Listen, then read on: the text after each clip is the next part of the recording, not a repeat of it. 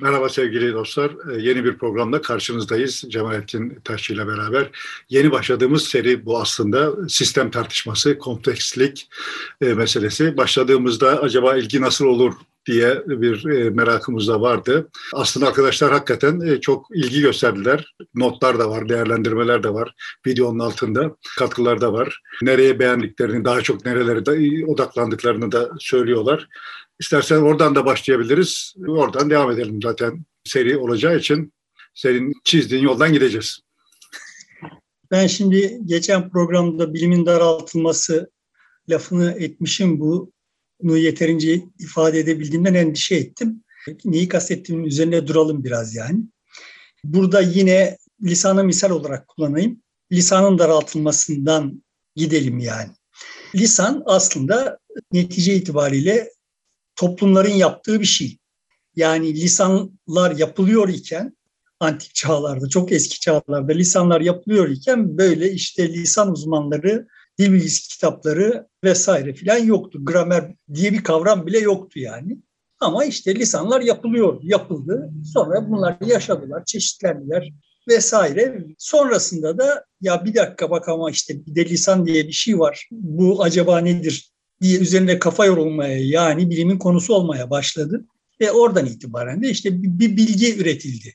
Bu bilgiyi çok önemsiyoruz. Ama aslında lisanı üretiyor olan toplum. Sıradan insanlar, zır cahil insanlar üretiyor. Ürettiler ve hala onlar üretiyorlar. Lisan konusunda herhangi bir bilgisi olmayan anneler, babalar çocuklarına lisan, daha doğrusu çocuklar onlar sayesinde lisan öğreniyorlar. Anneler, babalar o lisanı çok da iyi bilmiyor olabilirler.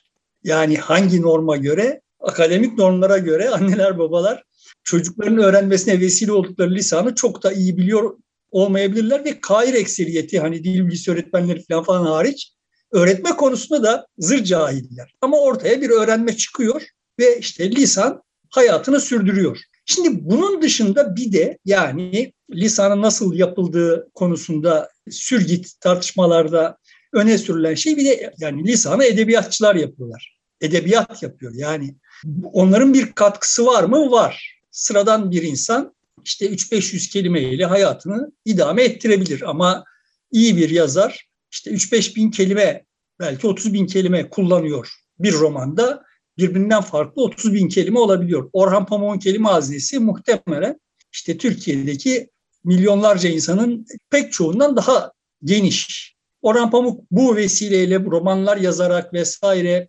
lisana bir katkıda bulunuyor mu?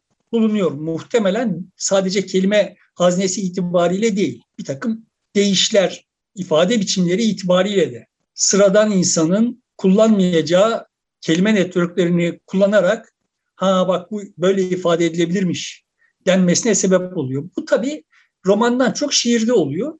Şiir dünyanın her yerinde böyle lisanın genişletilmesi de bir katkısı olan bir şey yani burada diğer hususlara da bağlayabiliriz diye zikredeyim. Yani Ülkü Tamer'in çok konuşma şiirinde çok böyle şöhret olmuş bir mısra vardır. Hem dersini bilmiyor hem de şişman herkesten diye. Bu dize söylendiği zaman evet biz lisanın normal şartlarda kullanmadığımız imkanlarının farkına varırız. Ama genellikle olay şöyle olur. O dizeyle söz ediliyor olan şeyden söz etmemiz gerektiğinde şimdi benim yaptığım gibi o dizeye referans verip de anlatırız. Yani ya da işte o dizenin kendisini kullanarak anlatırız derdimizi. Ve evet Türkiye'de görüyoruz ki hemen herkes başkalarının hem dersini bilmediği halde hem de herkesten şişman olmasından müşteki. Yani öyle değil mi? Şimdi sonuçta birileri Nebati'nin dersini bilmediği halde herkesten şişman olduğundan şikayetçi ama zaten Nebati'yi oraya getirenler de başkalarının derslerini bilmedikleri halde başkalarından şişman olmalarından şikayetçiydiler. Yani Ülkü Tamer'in muhtemelen sözünü ettiği, şikayet ettiği kesimler aslında Ülkü Tamergililerden, Ülkü Tamer'in mensup olduğu kesimden aynı şikayeti dile getiriyordu. Yani bu içerik hemen herkeste vardı ama hiç kimse bunu Ülkü Tamer kadar huzurla dile getirebilmiş değildi yani. Bir de Dolayısıyla dile getirecek ama bir de vatandaş da bunu kabul edecek, alıp tekrarlayacak. O da var. Bazıları getiriyor, böyle çok güzel yazmış oluyor ama yaygınlaşmıyor. Vallahi benim bildiğim kadarıyla şiirin böyle bir gücü var. Yani eğer bir ihtiyacı karşılıyor ise, daha başka türlü ifade edilmesi zor olan bir şey ise Onu böyle işte şiirlerden alıp kullanır yani insanlar. Yani demeye çalıştığım böyle seçkin, mektepli olanların lisan konusunda iradi veya gayri iradi kafa yormuş. Yani şairler lisan konusunda böyle lisan nedir filan diye kafa yormuş olmaları gerekmiyor ama kullandıkları lisanın imkanları ve sınırları hakkında herkesten çok kafa yormuş insanlar bunlar ve bunların lisana bir katkısı var. Şimdi sorunumuz şu. Biz lisanın hayatta kalması, hayatiyetini devam ettirmesi, gelişmesi söz konusu olduğunda ağırlıklı olarak bu yürütülüyor olan formel, biçimsel faaliyetleri göz önünde bulunduruyoruz. Toplumu dışarıda bırakıyoruz. Yani lisanı daraltıyoruz. Daraltıyoruz ve sonuçta ortaya şu çıkıyor. Yani şimdi o lisanın zenginleşmesine, bir takım ifade biçimlerinin çok gelişmesine katkıda bulunmuş olan Orhan Pamuk işte kendisiyle ilgili bir video çekilirken sokakta poğaçacıyla karşılaştığında merhaba poğaçacı diyor. Şimdi yani normal şartlarda toplumda Orhan Pamuk'tan başka hiç kimsenin kullanmayacağı bir şeyi kullanmak zorunda kalıyor. Orhan Pamuk'un kendisi de hiç kullanmamıştır. Yani orada bir şey demesi gerekiyor ve ne denebilir olduğunu bilmiyor. Yani dolayısıyla kendi muhtemelen herkesten daha iyi bildiği lisanın sokakta kullanımına mecbur kaldığında ne kadar aciz kaldığını, ne kadar çaresiz kaldığını görüyoruz. Buradan yola çıkarak şimdi demeye çalışıyorum ki bilim dediğimiz şey aslında merak, gözlem, spekülasyon, deneme yanılma ve sınamadır. Yani merak edersin, gözlem yaparsın, bir şeyler merak edersin. Sonrasında bir spekülasyon üretirsin. Yani bu olsa olsa şundandır dersin. Sonra deneme yanılma ile o kendi spekülasyonunu test edersin, sınama yaparsın. Ortaya bir şey çıkar. Aradan yıllar geçer, birileri ortaya çıkmış olan şeyi yanlışlar. Aa öyle değilmiş der vesaire. Ama sonuçta o dönem boyunca da o geçerliliğini korur. Şimdi bu hep böyle oldu.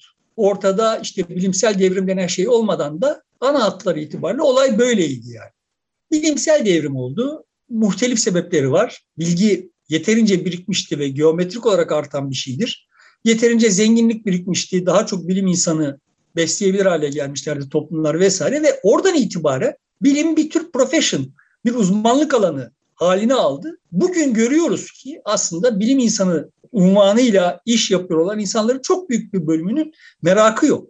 Yani bilim kendi içine kapandı ama o işte meraktı vesaireydi falan falan dışarıda kaldı. Benim asıl kasıyor olan sınama dışarıda kaldı yani. Yani böyle işte bilimsel görünümlü bir takım spekülasyonları yapıyorsun.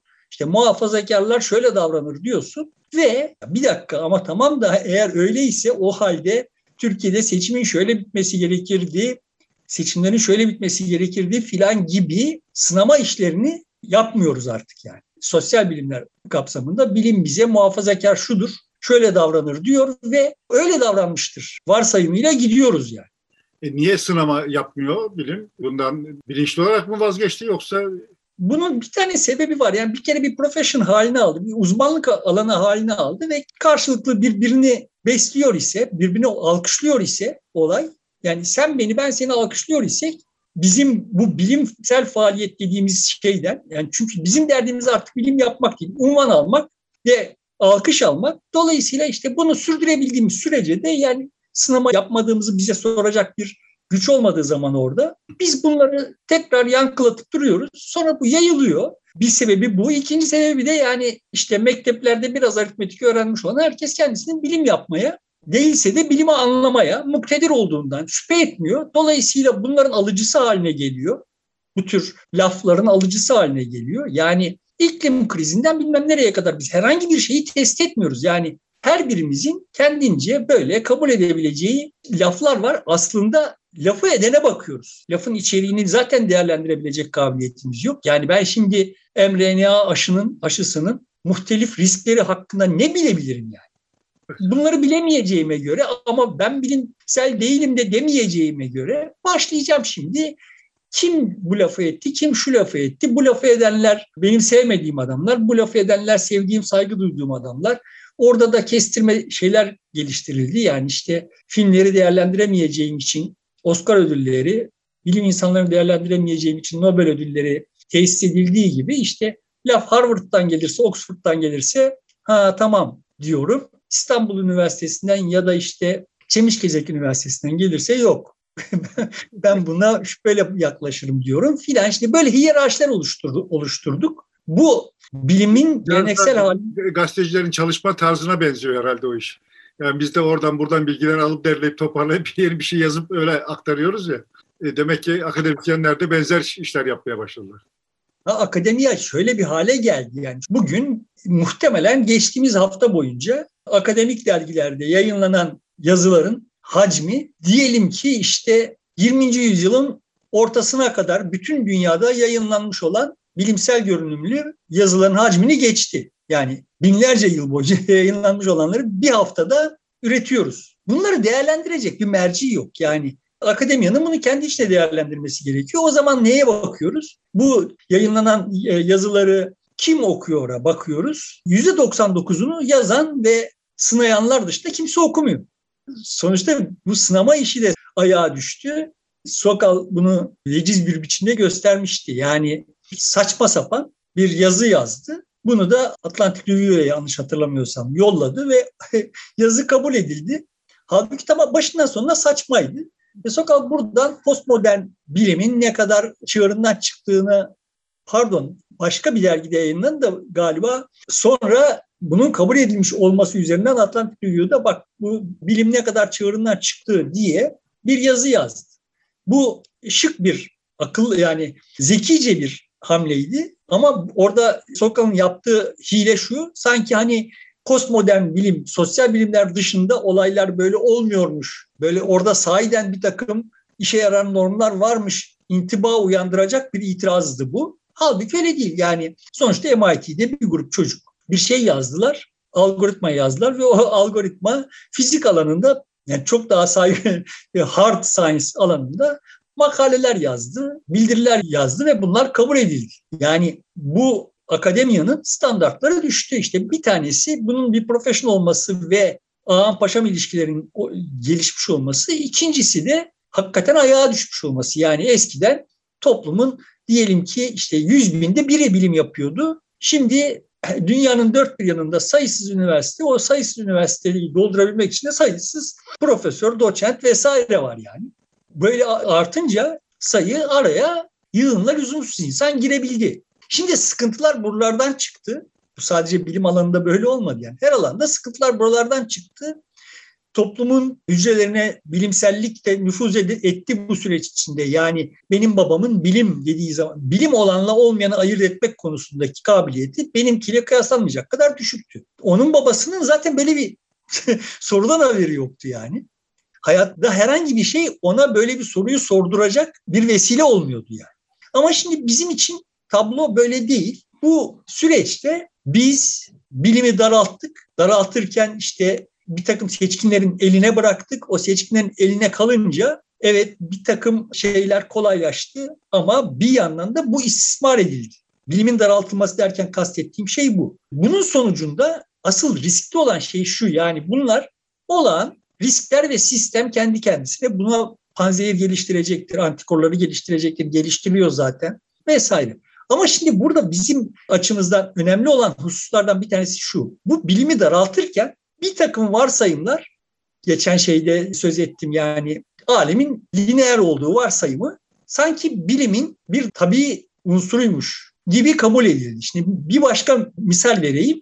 Bu daha çarpıcı bir misal. Fizik alanında hemen hemen her şey çözüldü. Bir tek kara madde ışınması problemi kaldı filan gibi bir kanaat vardı 19. yüzyılın sonunda.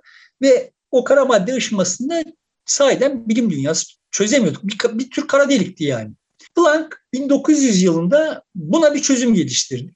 Bunu da yayınladı. Yayınlarken de şöyle dedi. Yani bak eğer enerjinin sonsuza kadar bölünemez olduğunu kabul edecek olursak bu problem çözülebiliyor. Yani enerjinin paketler halinde transfer olduğunu kabul edecek olursak bu problem çözülüyor ve ben çözdüm. Kara madde ışımasını çözdüm yani. Ama yani bunun çözüm olarak kabul edebilmesi için enerjinin paketler halinde transfer olduğunu kabul etmek gerekiyor ve bu saçma. Bilimsel değil yani. Dolayısıyla benim çözümüm çözüm değildir ama yine de bak böyle varsaysak çözülecekti bu problem gibi bir şey söylüyor ve sonra da hayatı bu kuantum fiziğine ismini veren işte oradaki o enerji paketleri yani kuantadır. yani bunun isim babası Planck'tır ama Planck'ın kendisi ölene kadar da şeye inanmadı yani. kuantum kavramına da inanmadı. Şimdi burada işaret etmeye çalıştığım husus şu. Enerjinin sonsuza kadar bölünebilir olduğu varsayımı yani alemin continuous olduğu, sürekli olduğu, kesikli olmadığı, diskret olmadığı varsayımının bilimde herhangi bir bizim bildiğimiz bilimin daha doğrusu alemde böyle bir dayatma yok. Ama bilim daraltılmış ve alemin sürekli olduğu varsayımı kabul edilmiş, diskret olmadığı varsayımı kabul edilmiş bir hipot bir yani hipotez bile değil. O içsel olarak bütün tırnak içinde bilim insanları, profesyonel bilim insanları tarafından zaten öyledir varsayımıyla kabul edilen bir şeydi. Böyle daraltıldı yani bilim. Şimdi alemin kendisinde olmayan bir özellik sırf bilim öyle istiyor diye, öyle varsayıyor diye aleme yansıtıldı. Sonradan ortaya çıktı ki falan bir açıdan haklıymış. Evet kara madde yaşaması öyle çözülüyormuş. Çünkü enerjinin paketleri varmış. Bir açıdan da haksızmış. Alem diskritmiş, kesikliymiş yani. Şimdi bu bizi niye ilgilendirir? Çünkü alemi kesikli olduğu durumda işte geçen haftada konuşmaya çalıştım. Alemi lineer diferansiyel denklemlerle formüle edemezsin vesaire. Şimdi buradan yola çıkarak işte alemin asıl modellemesinin diferansiyel denklemler değil, diferans denklemler, farklı denklemleri olması gerekiyor. Farklı denklemleri olduğu zaman bizim matematiğimiz çuvallıyor. Yani çünkü matematikle çözemiyoruz artık. Simülasyonla çözmemiz gerekiyor sistemleri vesaire. Ama yani o da konforumuzu bozuyor. Biz şimdi lineer diferansiyel denklemlerle bir yığın problemi çözüyoruz. Çözüyoruz'u neye yaslanarak söylüyorum? Yani Ay'a roket yollayacak isek eğer o roketin işte kalkış hızı ve e, yörüngesi vesaireyi biz lineer diferansiyel denklemler bilgimizle geliştiriyoruz, üretiyoruz ve çalışıyor sonuçta ay, roket aya gidiyor yani. Yani bu bizim en büyük başarımızdı ve ama yani orada işte böyle absürt bir şey çıktı ve bizim lineerlik ve işte continuousluk varsayımımızı bozdu yani. Bozduğu zaman bilim dünyasının önemli bir bölümünün buna gösterdiği reaksiyon bu yanlıştır kardeşim. Oldu. Bu da bilim dünyasını eleştirmek için yani olumsuzlamak için bir şey değil. Yani bilim böyle ilerler. Yani orada şimdi ilk bulduğun delikte hemen oraya kadarki bilgi birikimini inkar etmeye kalksa biz yol alamayız. Sonuçta evet bilimin bir yerde böyle bir inertia, bir direnç göstermesi anlaşılır bir şey bilim dünyasının. Ama içinden eğer bilim dünyasının içinden birileri çıkıp da yo bir dakika bu da bir ihtimal bunun üzerinde gitmemiz gerekiyor diyebiliyor ise o sağlıklı bir bünyedir. Ve bilim dünyasının bu özelliği var. Yani şimdiye kadar en azından bunun varlığını ispatladı. Bu bize şunu göstermesi gerekiyor. Tamam bak bilim böyle bir şey. Orada bir takım kabuller var. Bu kabuller karbondioksit salınımının işte küresel ısınmaya yol açtığı iddiası var. Bu iddia saygıdeğer bir iddia ama yani şimdi bu iddiaya itiraz eden herkesi asmaya kalktığın zaman işte o bilim olmuyor yani. Yani birileri de buna itiraz ediyor. Planck'a ve etrafındakilere Heisenberg'ler, Bohr'lar itiraz edebildikleri için bir kuantum teorimiz oldu. Yani 15 yıl sonra, 20 yıl sonra bir kuantum teorimiz oldu yani. O kuantum teorisi sayesinde, ona katkıları sayesinde Nobel almış olan Einstein ölene kadar kuantum teorisine itiraz etti. E şimdi böyle bir takım insanlar, çok saygıdeğer insanlar bir şeyler söylediler, onların söyledikleri ayettir diye bakmadığı için bilim bilim yani. Sıradan insanların tavrı ne oluyor? Yani Harvard'a bakacağız, Einstein'a bakacağız. Onlar söylüyorsa tamam bunu tar- tartışmayacağız. Sıradan insanın tutumu bu oluyor. Orada da daraltılmış bilim kendi hükümranlığını sürdürüyor yani. Bilim kusurlu bir şeydir. Diğer her şey gibi kusurlu bir şeydir ve bu kusurlu şey durmadan kendisini yeniden üreterek, lisan gibi yani, kendisini yeniden üreterek hayatiyetini korur. Esas olan orada merak ve sınama arasındaki süreçtir. Yani. İlle de böyle Harvard'da yapılan şey bilimdir diyemeyiz. Ama deniyor. Sorunun bu. Yani ilk mekteplerde Türkçe derslerinde, edebiyat derslerinde okutulan Türkçedir dediğin zaman nasıl merhaba poğaçacı demek durumunda kalıyor ise tamam yani şimdi tablo böyle bir şey. Orada dışarıda geniş bir gri alan var yani. E o zaman Orada ne? yeni alanlar bekleyebiliriz biz bilimin çıkacağı. Mevcut yerlerde eğer bir tıkanma var ise, sınama yok ise e, başka yerlerde o sınamalar daha rahat yapılabilir. Belki oralardan başka şeyler çıkabilir. Çıkıyor zaten. Durmadan çıkıyor. Yani aa bak kara delik diye bir kavram çıktı. Kara delik bilgiyi yutar, dışarı vermez diye bir kavram çıktı. Matematiği öyle söylüyordu. Sonra yok ama öyle değilmiş oldu. Yani Hawking sadece kendi hayatı sürecinde kendi söylediğini çürüttü. yani kendisi bir kara delik kavramını ortaya çıkarttı. Sonra kara deliklerin karakteri hakkında başta söylediğini sonunda çürüttü yani. Bilim böyle bir şey. Öyle olması lazım. Böyle. Tabii.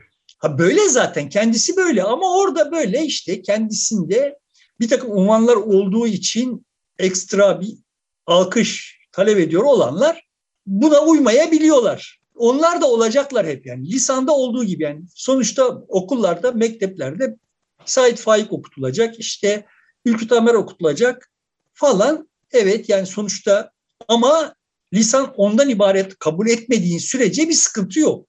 Toplumu oyunun dışında bırakmadığın sürece bir sıkıntı yok yani. Toplum orada kendi lisanını üretmeyi sürdürecek ve o süreçte de başka birileri işte mizah dergilerindeki gençler şunlar bunlar o yani işte bir tanesi bir karikatür yapacak o karikatürde ağlama Melis diyecek birisi bu dillere pelesenk olacak olur olmaz yerde belli durumları tarif etmek için bu kullanılacak vesaire şimdi lisan böyle bir şey yani senin belli bir yere hapsetmeye kalktığın şey değil.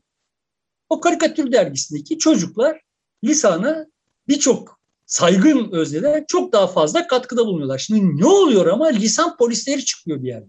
Aa orada öyle söylenir mi? Burada şöyle yapılır mı filan. Ve öyle olur. Sıkıntı demek ki lisanın belli bir norma sıkıştırılmaya, daraltılmaya kalkılmasından kaynaklanıyor. Bu neden oldu? Neden çalıştı?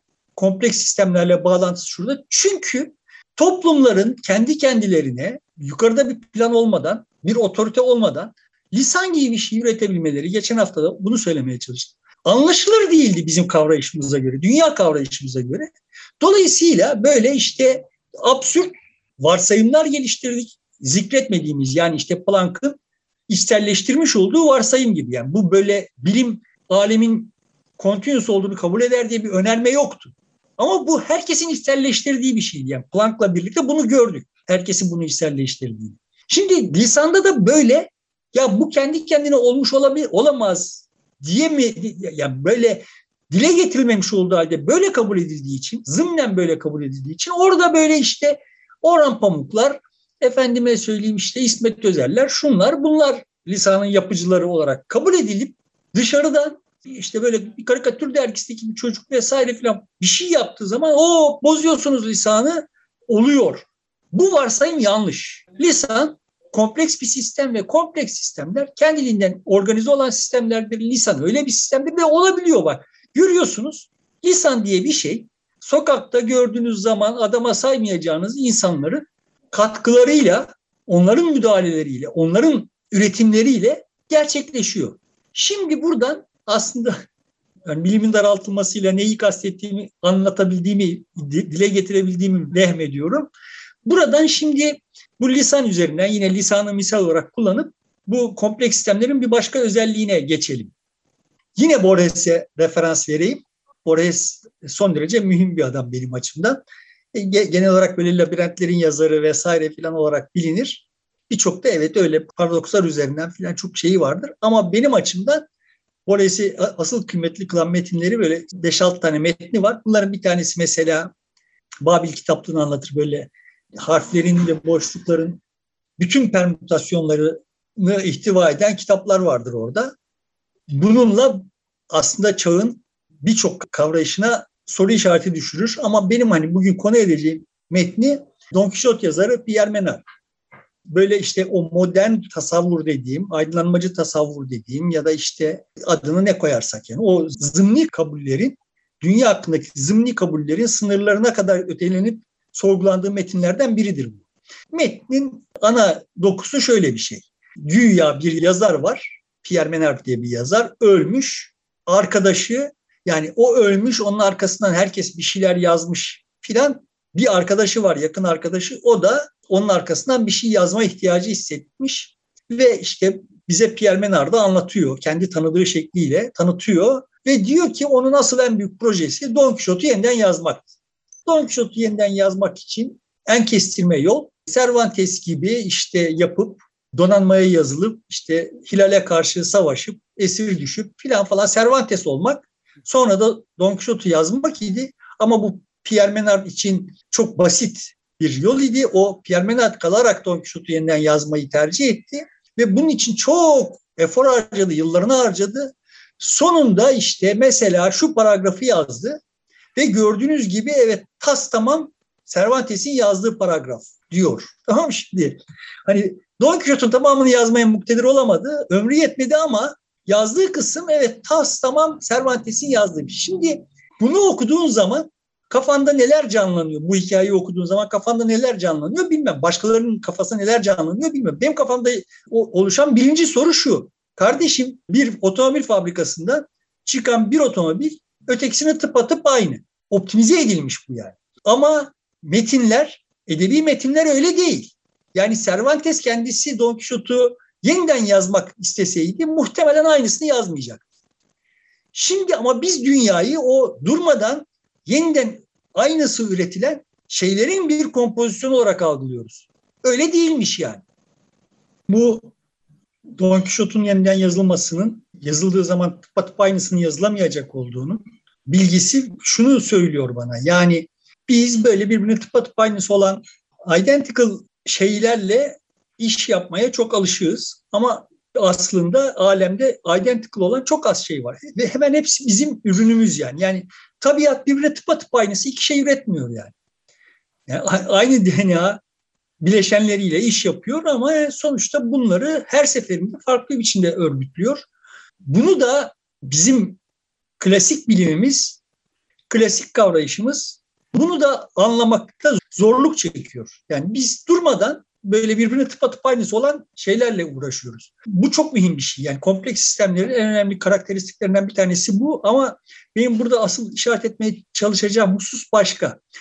Cervantes Don Quixote'u yazmamış olsaydı eğer, yani Cervantes İnebahtı mıydı? Hangisi, hangi savaşa katılmıştı? Orada ölmüş olsaydı ve Don Quixote'u yazmamış olsaydı, yani geriye dönüp baktığımızda ya Don Quixote diye bir şey olması gerekiyordu. Hay Allah alemde Don Quixote'suz kaldık filan gibi bir kaygıya kapılmayacaktık yani. Birçok analist tarafından Don Quixote roman türünün temel modeli olarak kabul edilir. Ne derece doğrudur, ne kadar geçerlidir bilmiyorum ama diyelim ki Don Quixote yazılmadı ve roman türü diye bir tür olmadı. Bir edebi tür olmadı. Biz hay Allah ya romansız kaldık. Çok eksiklik oldu hayatımızda falan demeyecektik. Biz alemin kafamızda alemin bir modelini kuruyoruz ve bu modelde bir takım eksiklikler görüyoruz. Mesela ne görüyoruz? İşte İstanbul'da işte trafiği akışını sağlayacak bir şeyler olması lazım ve bu eksik diye bakıyoruz filan. Aslında hayat öyle akmıyor yani. Sen şimdi İstanbul'da trafiğin akmasını sağlayacak müdahalede bulunuyorsun. sonra bir, bir kademe sonra yeniden tıkanıyor yani. Yani senin trafiğin akışında bir eksiklik olarak gördüğün şey aslında bir eksiklik olmadığını görüyorsun. Ama biz dünyaya böyle bakmayı sürdürüyoruz. Yani orada işte bir ben mesela durmadan bu programlarda neyi söyleyip duruyorum. Orada bir muhalefet eksik yani. Evet. kafama göre, benim kafama göre bir siyaset tablosu var. Bu siyaset tablosunun tamam olması için şurada şöyle bir muhalefet olması gerekiyor filan diye konuşuyorum. Hepimiz dünyaya böyle bakıyoruz. Ama aslında kompleks sistemlerde hiçbir şey eksik değil. Bunun en tipik misallerinden bir tanesi insanlarla yapılan soruşturmalarda hep şu çıkıyor. Yani herhangi bir organını kaybetse, diyelim ki sağ kolunu kaybetse veya hatta bir işaret parmağını kaybetse insanların çok büyük travmalar yaşayacakları kanaati var insanlarda. Hepimizde var. Ama organlarını kaybetmiş olanların hayatlarına bakıldığı zaman tabii ki bizim onlar hakkında konuşmak için konuşmaya hakkımız yok ama yani sonuçta onların bu travmaları yaşamadıkları yani o organlarını kaybetmeden önceki korkuları kadar travmatik bir hal yaşamadıklarını görüyoruz. Araştırmalar bunları da gösteriyor yani. Çünkü evet yani sistem bir biçimde o eksikliği absorbe edecek, o eksikliğin yol açtığı şeyi ortadan kaldıracak şekilde davranıyor. Kompleks sistemler böyle sistemler. Yani nasıl sistemler? Bir, bir şeyler eksildiği zaman o eksikliği kapatacak biçimde davranıyor. İki, yeni bir şey geldiği zaman ya bir dakika bu nereden çıktı? Buna yer yoktu olmuyor. Ekosistem bunun en tipik misali. Yeni bir tür zuhur ediyor ve o tür kendi yerini açıyor. Bu şu manaya gelmiyor. Bu amino asitleri her nasıl kompoze edersek edelim ona da kompleks sistemlerde bir yer var manasına gelmiyor. Öyle değil yani. Birçok şey kendi yerini açamıyor, yok oluyor. Birçok deneme yapıyor yani sistem. Bunların içinden bir kısmı hayatta kalıyor ve hayatta kaldığı zaman aa bir dakika ya bak bunun zaten yeri varmıştı burada boştu değil yoktu. O yer yoktu yani. O kendi yerini açtı. Böyle baktığın zaman sisteme benim açımdan hayatta kalacak denemeleri yapmak, yapabilecek olmak en sağlıklı tutum. Yani önceden bir proje plan çerçevesinde neyi yapacağım? Yani bir futbol takımının ne yapması gerektiğini işte önceden kafanda dizayn edip ona göre futbol takımını sahaya sürmek yerine takımın sahada bir şeyleri deneyebilecek canlılığa sahip olmasını sağlamak ve duruma göre maça maçtaki duruma göre rakibin durumuna göre vesaire onları deneyebilir olmasını sağlamak benim açımdan daha sağlıklı bir şey. Toplumlara böyle bakıyorum. Dolayısıyla şimdi kendimi de affettireyim. Bir muhalefet eksikliğinden söz ederken esasen sözünü ettiğim şey toplumda bunların bu tür denemelerin imkansızlaştırılmasına itiraz yani. Şöyle bir muhalefet derdinde değilim. Yani tam da ben işte Özdağ'ın yaptığı türden bir muhalefete eksik görüyordum değil. Şimdi Özdağ'ın yaptığı şeyi son derece biçimsiz buluyorum. yani 10 bin tane oyum olsa bir tanesini Özdağ'a vermem. Vesaire. Artı Özdağ siyaset sahnesinde Özdağ'la karşı karşıya geldiğim zaman da dibine kadar itiraz ederim. Mücadele ederim. Ama sonuçta Özdağ'ın yaptığı işi sağlıklı buluyorum. Bulduğumu söyledim daha önce. Neden? Çünkü bir deneme. Toplumun siyaset üzerinden bir şeyleri denemesi, neyin çalışacağını, neyin çalışmayacağını görmemiz mühim. Bu toplum açısından sağlıklılık göstergesidir diyorum. Toplumun evet. bu alanda aslında siyasi partilerin kendi içerisinde o muhalefet olmuş olsa o muhalefet kendiliğinden çıkacak. Başka bir şeye devrilecek yani evrilecek. Siyasi partilerde evet. o olmadığı için bir şey çıkmıyor. Evet yani benim itiraz ettiğim husus mekanizma yani evet. organik bir şeyi mekanik bir şeyle ikame etmeye kalkmamıza itirazım benim aslında yani. Sonuçta bu organik olması gerekiyor. Benim derdim bu. Organik olması derken işte tam da ekosistem mantığıyla oradan buradan bir şeylerin bir yön çatlak sesin çıkabilmesini sağlamak. Bu eksiklik meselesi mesela yine lisan misalini verecek olursak yani lisanda durmadan yeni kelimeler ortaya çıkıyor ve o yeni kelimeler ortaya çıktığı zaman sözlükte o kelimeleri de eski kelimelerin yardımıyla açıklıyoruz vesaire ama yani o kelime yoktu. Yokken lisan eksik değildi. Şimdi kalkıyor bir takım kelimeler ortadan ve lisan eksilmiyor. Bu da bizim dünyaya bakarken anlamakta zorlandığımız, alemin karakteri hakkında anlamakta zorlandığımız hususlardan bir tanesi. Çok önemsiyorum bunu. Biz dünyaya dünyanın nasıl olduğuyla ilgili değil, kendi kafamızda kurduğumuz bir şeylerle ilgili bakıyoruz. Şimdi Platon'la ilgili falan falan böyle durmadan itiraz etmemin temel sebebi bize bizim kafamızda kurduğumuz mükemmel bir şeyin aslında mükemmel olduğu vehmini vermesi yani. Biz zihnimizle, aklımızla mükemmel bir tasavvurda bulunabiliriz. Vehmi var. Sıkıntı buradan kaynaklanıyor. Aslında yapamayız. Bizim yani masanın başına otursak herhangi birimiz hayatta kalacak bir lisanı yapamayız. Hayatta kalacak bir şehri de yapamayız. Eğer bir şehir yapıp ondan sonra da herkesi bizim koyduğumuz yerde durmaya zorlarsak o şehir yaşamaz. Dolayısıyla da işte bunlara yaslanarak diyorum ki ya bak kardeşim sizin kafanızdaki mükemmel her neyse, benim kafamdaki mükemmel her neyse. Şimdi bu, bu mükemmel kavrayıştan bir vazgeçelim ve toplumun kendi enerjisini hayata geçirmesini sağlayacak bir şeyler yapalım. Yani şimdi ben de demiş oluyorum ki sisteme müdahale edelim. Ben müdahale edilmeyecek bir sistem hayal edemem zaten. Sonuçta insan müdahildir yani. İnsan müdahale etmeden insan olamaz. Ama şimdi bu müdahaleyi yaparken yani bak senin beş çocuk yapmaman gerekiyor. Çünkü onlara bakamayacaksın. O halde şimdi seni eğitmek lazım. Bir müdahale Ha sen beş çocuk yapıyorsun ve bu senin içinde toplum içinde riskli. Şimdi senin beş çocuk yapmaman için ne lazım? Senin şehirleşmen lazım. Ya da senin çocuklarının ölmeyeceğine inanman lazım. Yani bir yaşına gelmeden ölmeyeceğine inanman lazım. İnanman için ne lazım? Çocuğunun bir yaşına gelmeden ölmemesi lazım. Yani ilk üç çocuğun bir yaşına gelmeden ölmezse dördüncü ve beşinciyi yapmayacaksın yani. O halde şimdi bunu nasıl sağlarım diye bakmak da bir müdahale yani. Ama topluma böyle davranılmıyor, böyle bakılmıyor. Ve bu sakat bir bakış açısı. Bizim şimdi uyguluyor olduğumuz bakış açısı sakat bir bakış açısı. Bu bakış açısını besleyen şey ne? Ötelediğin zaman gidiyor işte bilime. Tamam şey ama senin daraltılmış bilim anlayışınla bilimsel o. Yani aslında alem öyle çalışmıyor. Ve senin bilim anlayışın alemin nasıl çalıştığını anlamaya yetmiyor. Sınamamışsın yani senin bilim anlayışında lisan diye bir şeyin olmaması lazım. Senin bilim anlayışında beynin bir görüntü üretmemesi lazım vesaire. Oluyor bunlar bak. Oluyorlar. Demek ki senin bilim anlayışında bir delik var, bir, bir şey eksik yani.